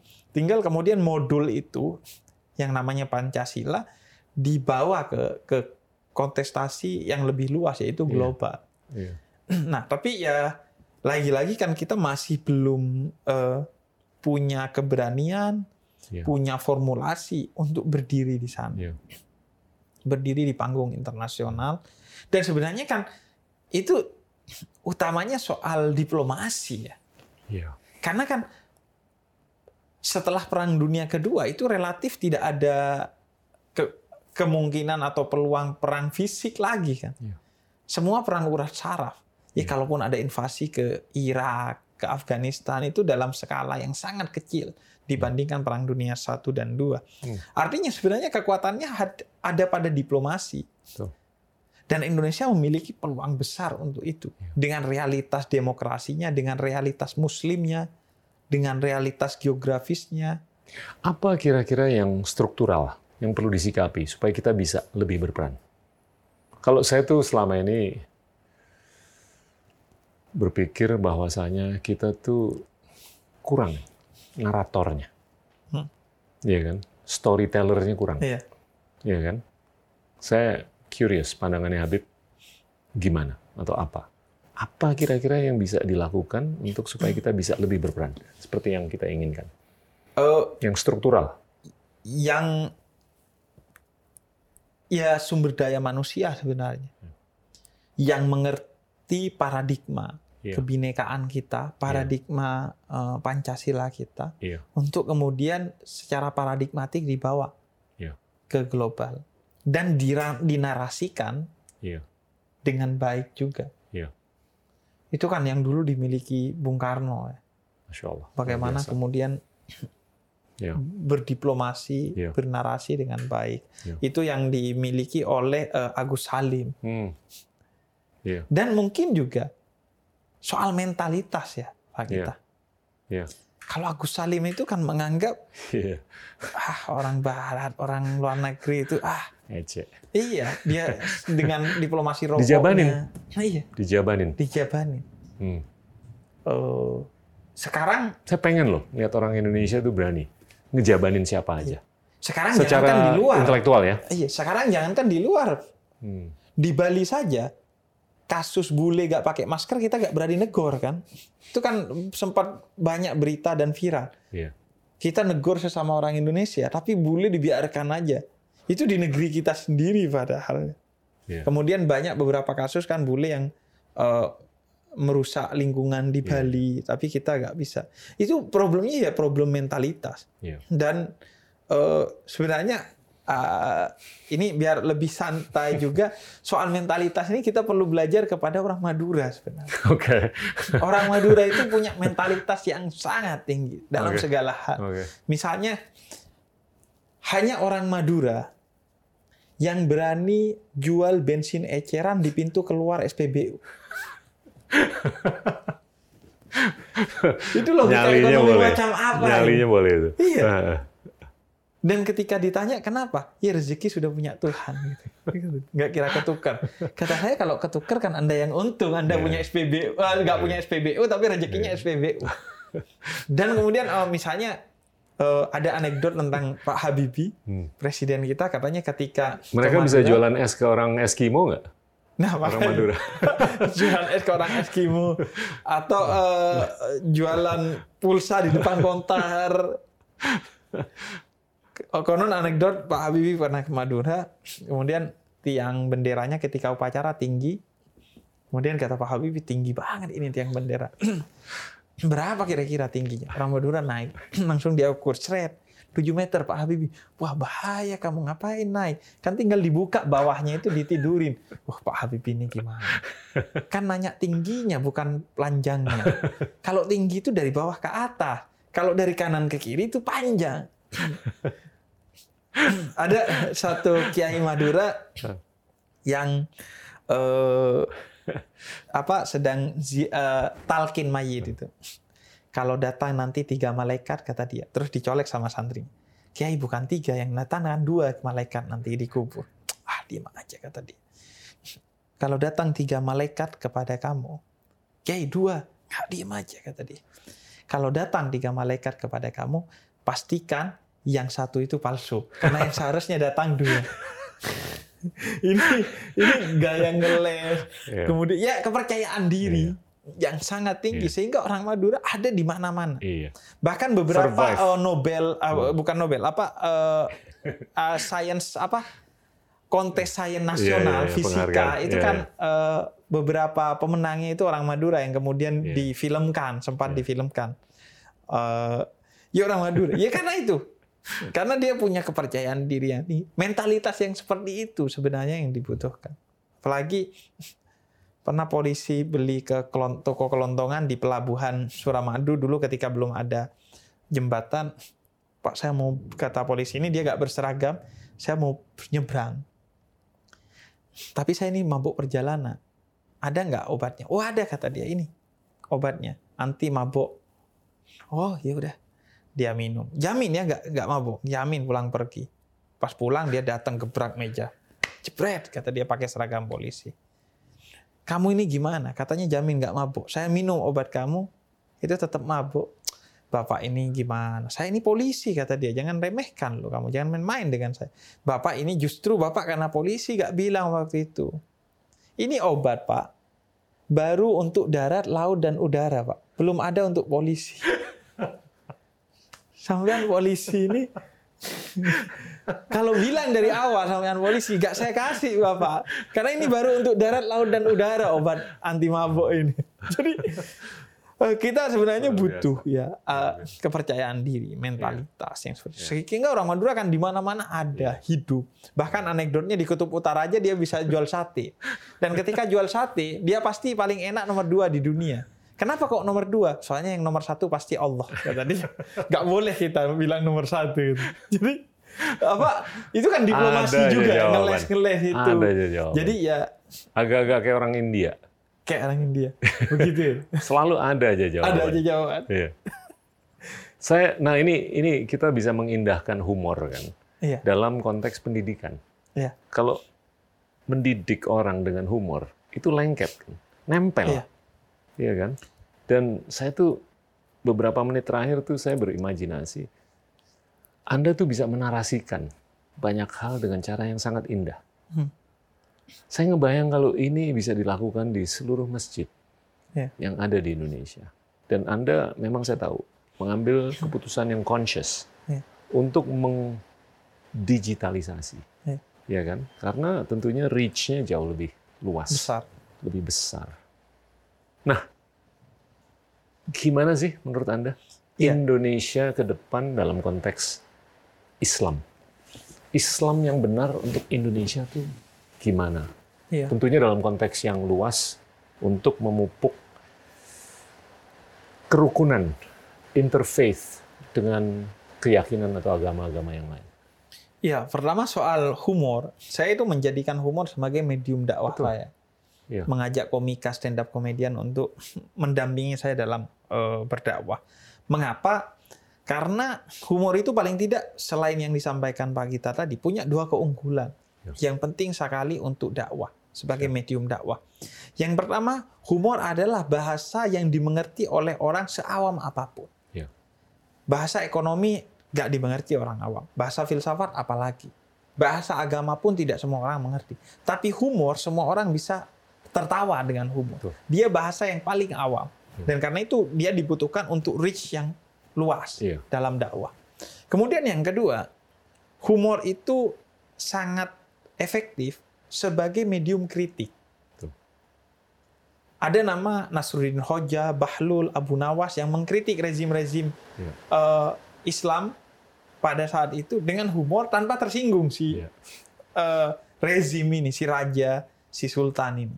Ya. Nah, itu juga dibutuhkan untuk mengkritik keberagamaan kita yang mungkin perlu dikritik, yang kalau secara langsung mungkin akan menyebabkan kita uh, menyinggung orang lain, maka ya. humor menjadi efektif untuk ini. Termasuk mengkritik kebijakan dan lain sebagainya. Jadi karena itu penting menjadi menjadikan humor sebagai medium. Ya. Nah, uh, dan juga digital. Ya. Karena uh, 2019 data yang saya punya dari We Are Social itu 58% orang Indonesia tersambung dengan gadget. Dan rata-rata menghabiskan waktu delapan setengah jam dengan gadgetnya orang Indonesia. Makanya saya sering bercanda, 8 jam kerja, 8 jam tidur, 8 jam main gadget. Pantesan banyak yang cerai karena nggak punya waktu untuk keluarganya. Yeah. Nah, itu makanya kemudian didigitalisasi. Yeah. Sekaligus yang paling penting adalah dakwah itu kan mengajak orang yang belum agar masuk. Yeah. Nah, ini yang sering tidak dilakukan. Orang berdakwah di masjid, di musola, di majelis taklim hanya memperbaiki orang yang sudah baik Padahal reach-nya yang luas justru yang di luar sana. Di luar masjidnya. Santri itu hanya mungkin angkanya 4% atau 8% di Indonesia. Ya. Yang di luar itu. Karena itu saya misalnya bikin yang namanya kayak pemuda tersesat. Hmm. Untuk menjawab pertanyaan-pertanyaan yang senyeleneh apa pun. Ya. Yang tapi mungkin ada di kepala orang. Hmm. Tapi tidak mungkin dia tanyakan di masjid. Hmm. Karena khawatir dicurigai apa-apa kalau di masjid. Ya. Nggak dijawab malah di marah-marahin dia. Misalnya ya. ada orang yang membayangkan apa uh, kalau dosa dan pahala kita 50-50 nanti di akhirat masuk surga apa neraka ya? Ini kan bayang imajinasi yang mungkin bagi orang bercanda. Padahal di suratul A'raf di Al-Quran dibahas secara khusus. Ya. Yaitu nanti ada ashabul A'raf, orang yang pahala dan dosanya 50-50. Dia dimasukkan ke surga tapi di akhir perhitungan karena rahmatnya Allah. Ya. Jadi itu pertanyaan yang muncul dari pikiran yang tulus artinya. Ya. Hati yang tulus. Sehingga muncul pertanyaan seperti itu. Tapi nggak mungkin ditanyakan di uh, forum-forum yang mainstream Ya. dari agama karena dianggap ah bercanda loh gitu. Betul. Apalagi ada yang lebih nyeleneh. Habib kiamat itu kan hari Jumat. Nah, negara-negara yang masih hari Kamis atau sudah hari Sabtu gimana gitu. Jadi itu kan Iya. bisa jadi memang itu nggak begitu penting pertanyaannya atau bahkan bercanda. Tapi itu orang sudah mau menanyakan itu. Artinya sudah mulai tertarik kepada agama. Betul. Nah, itu yang kemudian saya manfaatkan untuk menarik mereka ke agama Betul.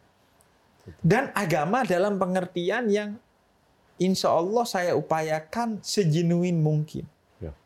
Artinya ramah kepada sains, ramah kepada teknologi, ramah kepada perempuan, Ya. ramah kepada lingkungan, Ya. ramah kepada hak asasi manusia, yang saleh bukan hanya secara ritual, tapi saleh secara sosial dan spiritual. Ya. Ramah kepada nilai-nilai kebangsaan, Ya. dan lain sebagainya. Ya. Jadi, plus juga ramah yang juga penting kepada perbedaan. Betul. Betul. Karena itu eh, saya mencoba memberikan referensi yang luas kepada orang tentang perbedaan itu sendiri. Karena orang akan cenderung membenci dan berkonflik dengan kelompok atau orang yang tidak dia kenal. Iya. Betul. Sehingga kita perkenalkan saja. Karena itu saya duduk bersama seorang eh, tokoh Buddha, duduk bersama tokoh Kristen. Itu bagi saya duduk bersama saja sudah Luar biasa. sudah satu pemandangan yang Ya. harus dibiasakan. Ya. Karena itu saya mendorong misalnya gerakan untuk media sosial diisi dengan monumen-monumen toleransi. Betul. Setiap orang kan pasti punya pengalaman atau punya entitas atau punya monumen di sekitarnya tentang toleransi. Ya. Misalnya mungkin ada keluarganya yang non muslim, Ya. ada rekan kerjanya yang non muslim, Ya. duduk bareng, ngopi bareng, foto masukin ke media sosial Ya. agar ketika ada foto seorang ustadzah bergandengan tangan dengan biarawati gak lagi viral. Ya. Bukan karena apa-apa, karena sudah gak biasa toleransi di Indonesia. Ketika Betul. masih viral berarti toleransi kita masih eh, minus. Ya. Nah karena itu saya mendorong, ayo kita bikin konten-konten toleransi di sekitar kita. Misalnya ada gereja yang berdampingan dengan eh, masjid, Ya. dengan pura, ya difoto, di share di media sosial, agar kemudian itu menjadi eh, bagian dari hidup kita dan kemudian toleransi itu betul-betul terinternalisasi Ya. pada diri kita bahkan di ruang-ruang privat. Ya. Karena kalau di ruang-ruang media sosial, ruang-ruang seminar, mungkin kita akan bicara toleransi. Tapi kadang di ruang privat kita tidak melakukan itu Betul. Intoleransi yang terjadi. Misalnya yang paling gampang di grup-grup WhatsApp. Iya. Itu biasanya menga- mengapa hoax dan intoleransi banyak di grup WhatsApp? Beberapa riset menyebutkan seperti itu atau di grup Facebook karena echo chamber itu. Betul. Sesama orang Islam akhirnya ngomongin Kristen, sesama orang Kristen akhirnya ngomongin Buddha. Terus begitu. Betul. Karena itu perlu relasi dan komunitas yang inklusif Iya. untuk kemudian membentuk eh, kebinekaan kita Iya. pada aspek yang paling privat sekali itu. Saya punya keyakinan beberapa kali saya menyampaikan bahwasanya selama 2000 tahun terakhir ini Hmm. kita dikunjungi Buddha 400 tahun, Hindu 600 tahun, Islam, kolonialisme, kemerdekaan, demokratisasi selama 600-700 tahun. Itu korbannya itu kecil sekali dibanding apa yang kita lihat di Eropa. Jedah 30-40 tahun antara perang dunia pertama dan dua aja makan lebih dari 100 juta nyawa. Nah itu banyak anak-anak muda di Indonesia tuh nggak nggak paham mungkin bahwasanya selama 2000 tahun itu kita sangat kental dengan kedamaian. Itu kalau menurut saya bekal untuk 2000 tahun ke depan. Iya. Dan kalau kita fokus ke kekayaan kita dalam konteks kerukunan, interfaith, dan segalanya, nggak ada alasan kita nggak bisa, bukan hanya merawat, tapi bahkan mengaugmentasi kekayaan-kekayaan seperti itu. Iya. Iya kan? Iya. ya kita uh, bekal kita terlalu besar sebenarnya. Iya.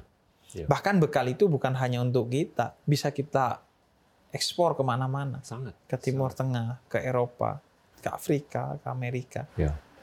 Saya mau tanya mengenai topik korupsi hmm. di Indonesia. Ya, dari sisi kacamata Anda, saya pernah nanya ke narasumber yang lain. Jawaban beliau adalah, ya kita ini mungkin kurang budaya malu, kita kurang budaya takut, hmm. ya kan? Gimana sih ke depan supaya Indonesia itu bersih dari korupsi perilaku, ya. bukan korupsi uang aja? Iya, ya, sebenarnya tegas sikap Nabi kepada korupsi kan ar-rosi wal murtasi finnar. Segala tindak koruptif baik itu material ataupun imaterial ya. itu uh, tempatnya di neraka. Ya. Dan uh, bahkan Nabi mensifati dalam hadis yang lain korupsi itu kata Nabi menjangkit kamu. Hmm. Dia akan membuat ruang gerak kamu menjadi sempit. Hmm. Nggak bisa ke mana-mana.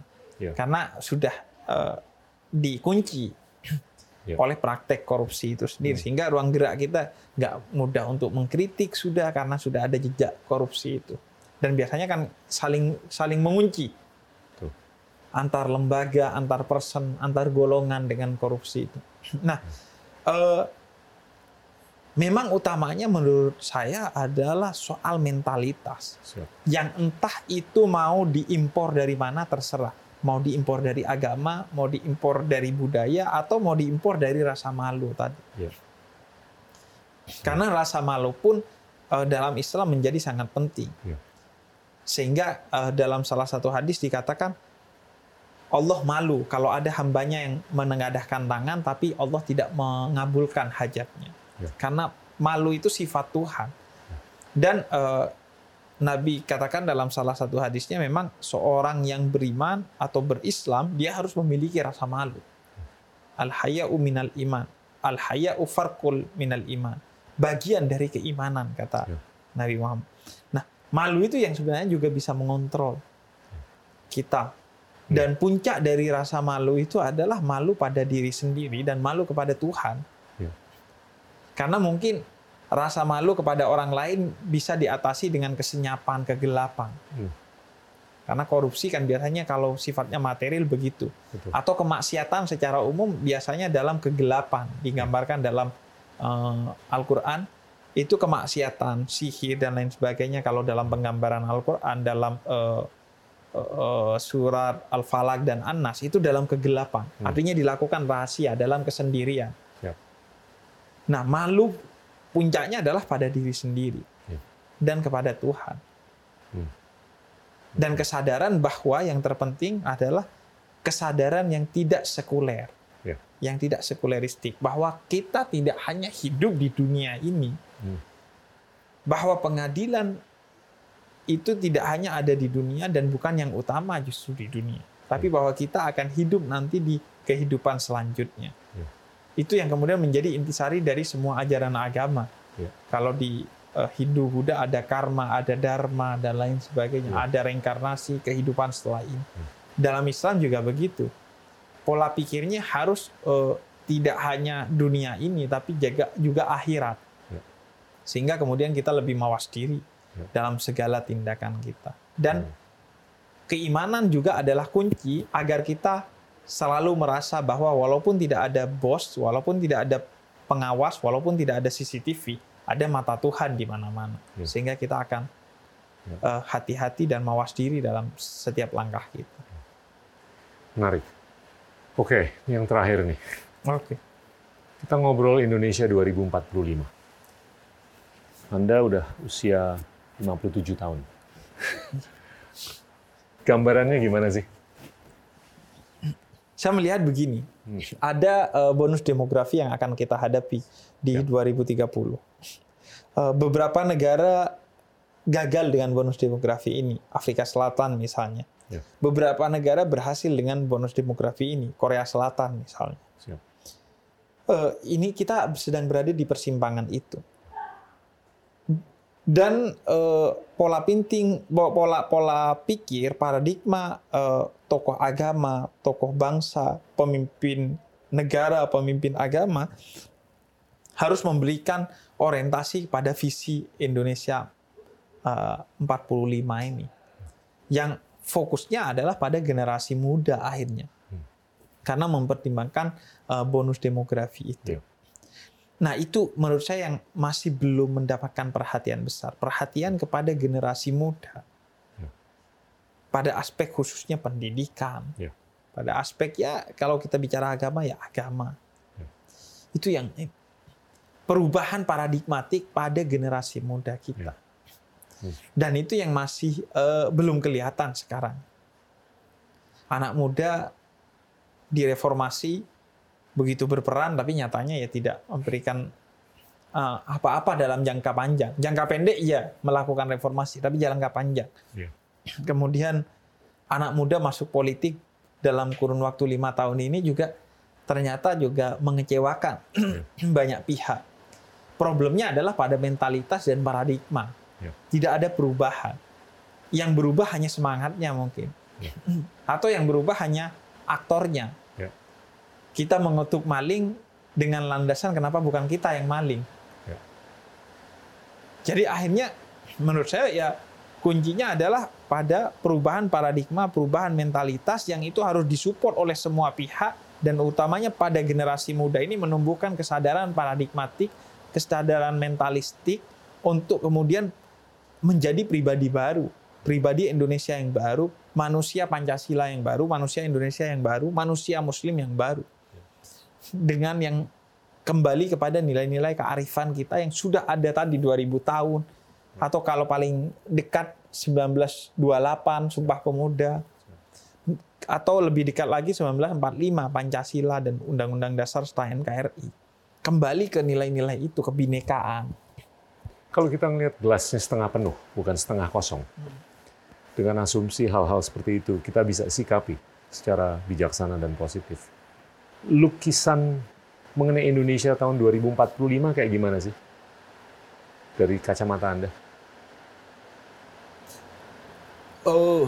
Ya, mungkin di kacamata saya, apakah kita lebih bisa berperan untuk perdamaian di Timur Tengah? Apakah kita bisa lebih berperan atau sangat berperan dalam penjembatanan antara Barat dan Islam, antara Tiongkok dan Amerika, dan pengamanan kawasan dan segalanya? Terus secara spiritual gimana? Uh, normatifnya kan kita harus optimis ya. Iya.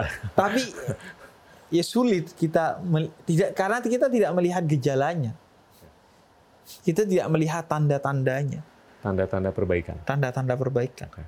Paling mudah kan itu. Jadi di, gelasnya setengah kosong nih, bukan setengah, setengah penuh. kosong, bukan setengah isi.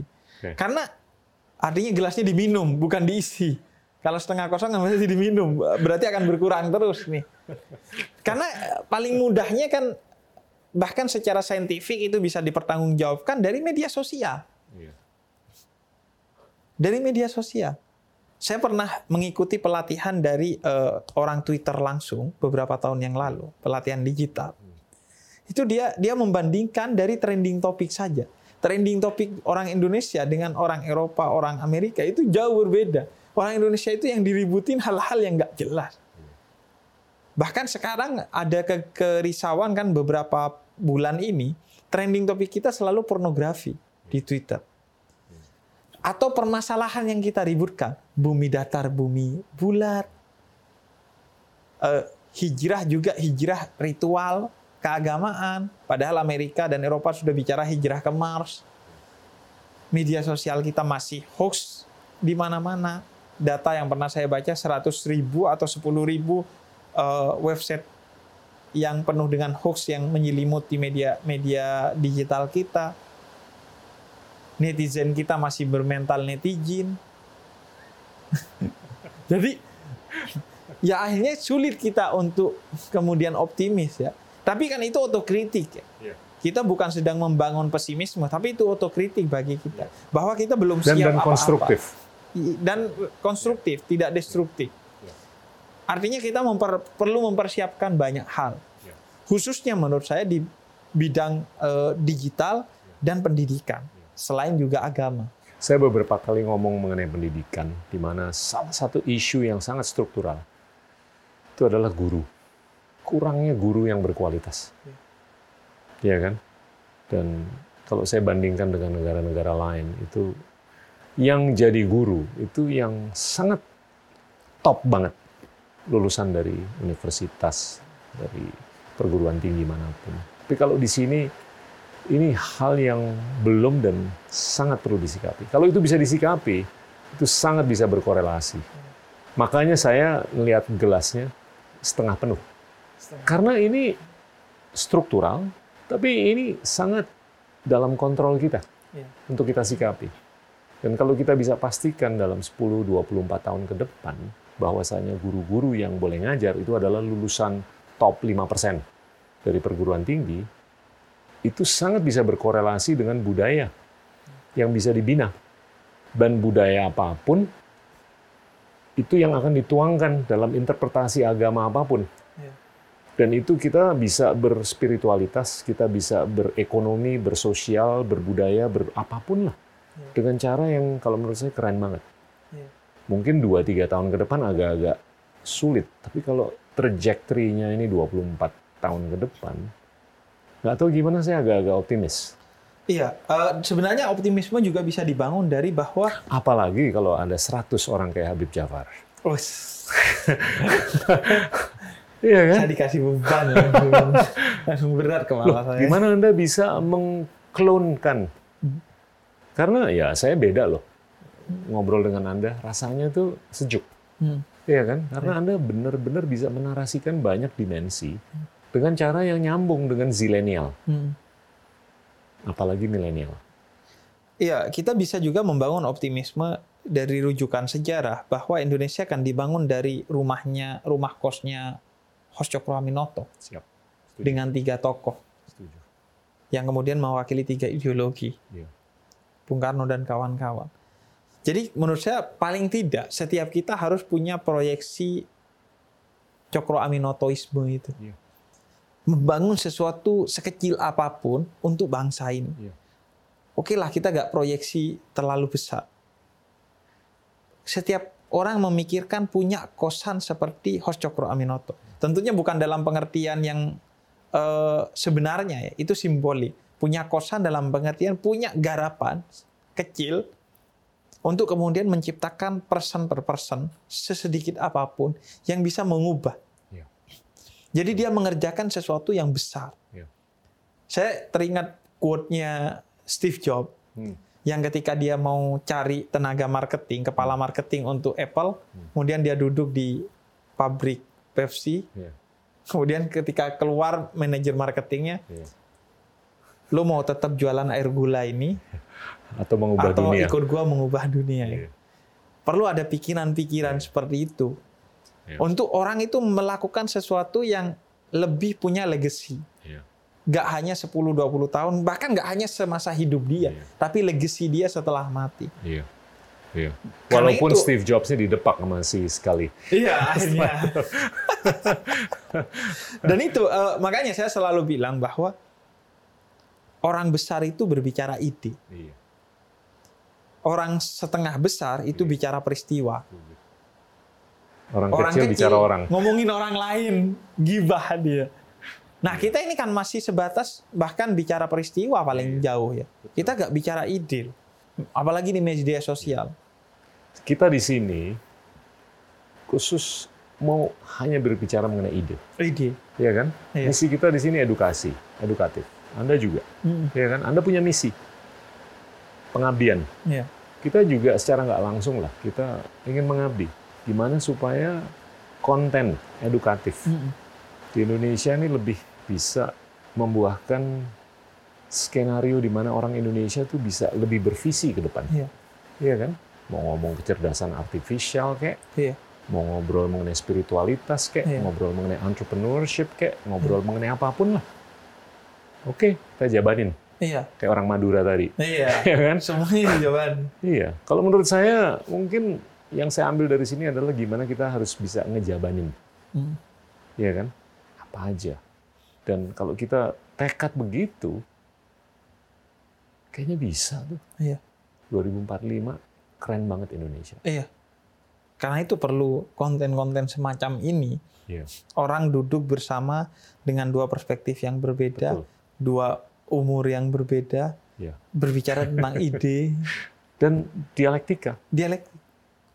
itu penting sekali. Iya, eh, semangatnya dialektika, Iya. bukan dogma, Betul. bukan mau menghabisi, Pokoknya pokoknya nggak Iya. ada di sini tempatnya. bukan menutup diri. Iya. Itu itu yang eh, kalau kata seorang filosof Jerman Habermas itu ya ruang publik Iya. perlu dia berharapkan ruang digital ini menjadi ruang publik yang sehat, gak taunya jadi ruang publik yang toksik akhirnya. Itu itu yang perlu diciptakan. Karena itu saya saya itu punya bayangan Pak Gita. Punya ruang publik yang sehat secara ke- keagamaan dan secara kebudayaan serta kebangsaan. Ada ruang tem- temu. Saya itu dari dulu membayangkan. Alih-alih tokoh agama lain membayangkan punya pesantren, kalau saya membayangkan punya ruang publik. Siap. Punya ruang publik yang cukup besar untuk orang di sana bertukar ide, mengaktualisasikan diri dengan gagasan-gagasan yang besar. Entah itu melalui lukisan, artificial intelligence, aplikasi, eh, agama dan lain sebagainya. Ruang itu yang yang yang dibutuhkan. Yang kemudian bisa melahirkan kalau konteks musisi seperti Iwan Fals, Didi Kempot dan lain sebagainya. Konteks agama melahirkan seperti eh, Syed Quraish Shihab dan lain sebagainya. Menurut saya butuh tuh ruang publik sehat yang kita desain sedemikian rupa untuk orang termasuk sudah ketika orang masuk sana dia udah gak punya pikiran tentang sandang pangan dan papan Ya. sudah kita penuhi urusan itunya Betul. Betul. karena itu eh, saya membayangkan tuh punya ruang publik sekarang masih digital ya, tapi punya ruang publik secara fisik yang bisa menjadi ruang titik temu Siap. dari berbagai agama, berbagai gagasan, berbagai ideologi yang sehat. Iya. Ketika sampai sana bicara ide, pikiran terbuka, Iya. hati terbuka, dan ya berbicara tentang 50 dan 100 tahun ke depan. Iya.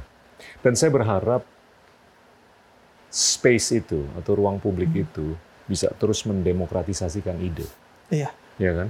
Yang beberapa kali saya sampaikan dengan beberapa narasumber adalah kita telah melihat demokratisasi pipa komunikasi, tapi kita nggak melihat demokratisasi ide. ide. Nah itu sangat paradoksikal. Dan Iya. itu paradoks yang kalau menurut saya harus diobati. Dengan fasilitasi Iya. forum-forum publik kayak begini. Untuk gimana kita bisa terus mendemokratisasikan ide. Dan demokratisasi itu sejauh ini kan hanya bekerja pada level elektoral, Siap. nggak secara substansial. Iya. Betul. Ya memang semua orang mulai bisa mencalonkan diri dan lain sebagainya. Tapi secara paradigmatik substansi demokrasi kan nggak bergerak maju. Ya. Paling apes kita bisa bilang bergerak di tempat lah kalau nggak mundur. Wow. Ada lagi pesan-pesan akhir? Habib? Eh, itu aja mungkin agar tidak menjadi yang terakhir. Siap. Jadi nggak kita kasih pesan akhir. Siap. Siap. Terima kasih banyak loh. Terima Matur kasih Gita. Ya. Teman-teman, itulah Habib Jafar, pendakwah milenial. Terima kasih. Endgame is a podcast by the School of Government and Public Policy Indonesia, the first Indonesian policy school to offer a full-time master's program in English, and is a production of The Cinema, Indonesia's award-winning entertainment and technology company. Oni Jamhari and Angga Dwima Sasongko are our executive producers. Ahmad Zaki Habibi and Jimmy Kuntoro are our supervising producers. Hana Humaira and Farah Abidah are producers. Bobby Zarkasi is our director. Aditya Dema Pratama is our director of photography. Video editing by Felicia Wiradian. Alvin Pradana Susanto is our sound engineer. Ratri Pratiwi and Fiera Rahmawati are research assistants. Aulia Septiadi and Ferdizal Optama are our graphic designers. Transcriptions and translations by Isfi Afiani. The song you're hearing is by Neil Giuliarso Ferdinand Chandra and Philippus Cahyadi, mixed and produced by Gibran Wiryawan. The production of this episode adheres closely to the local authorities' health and safety protocols.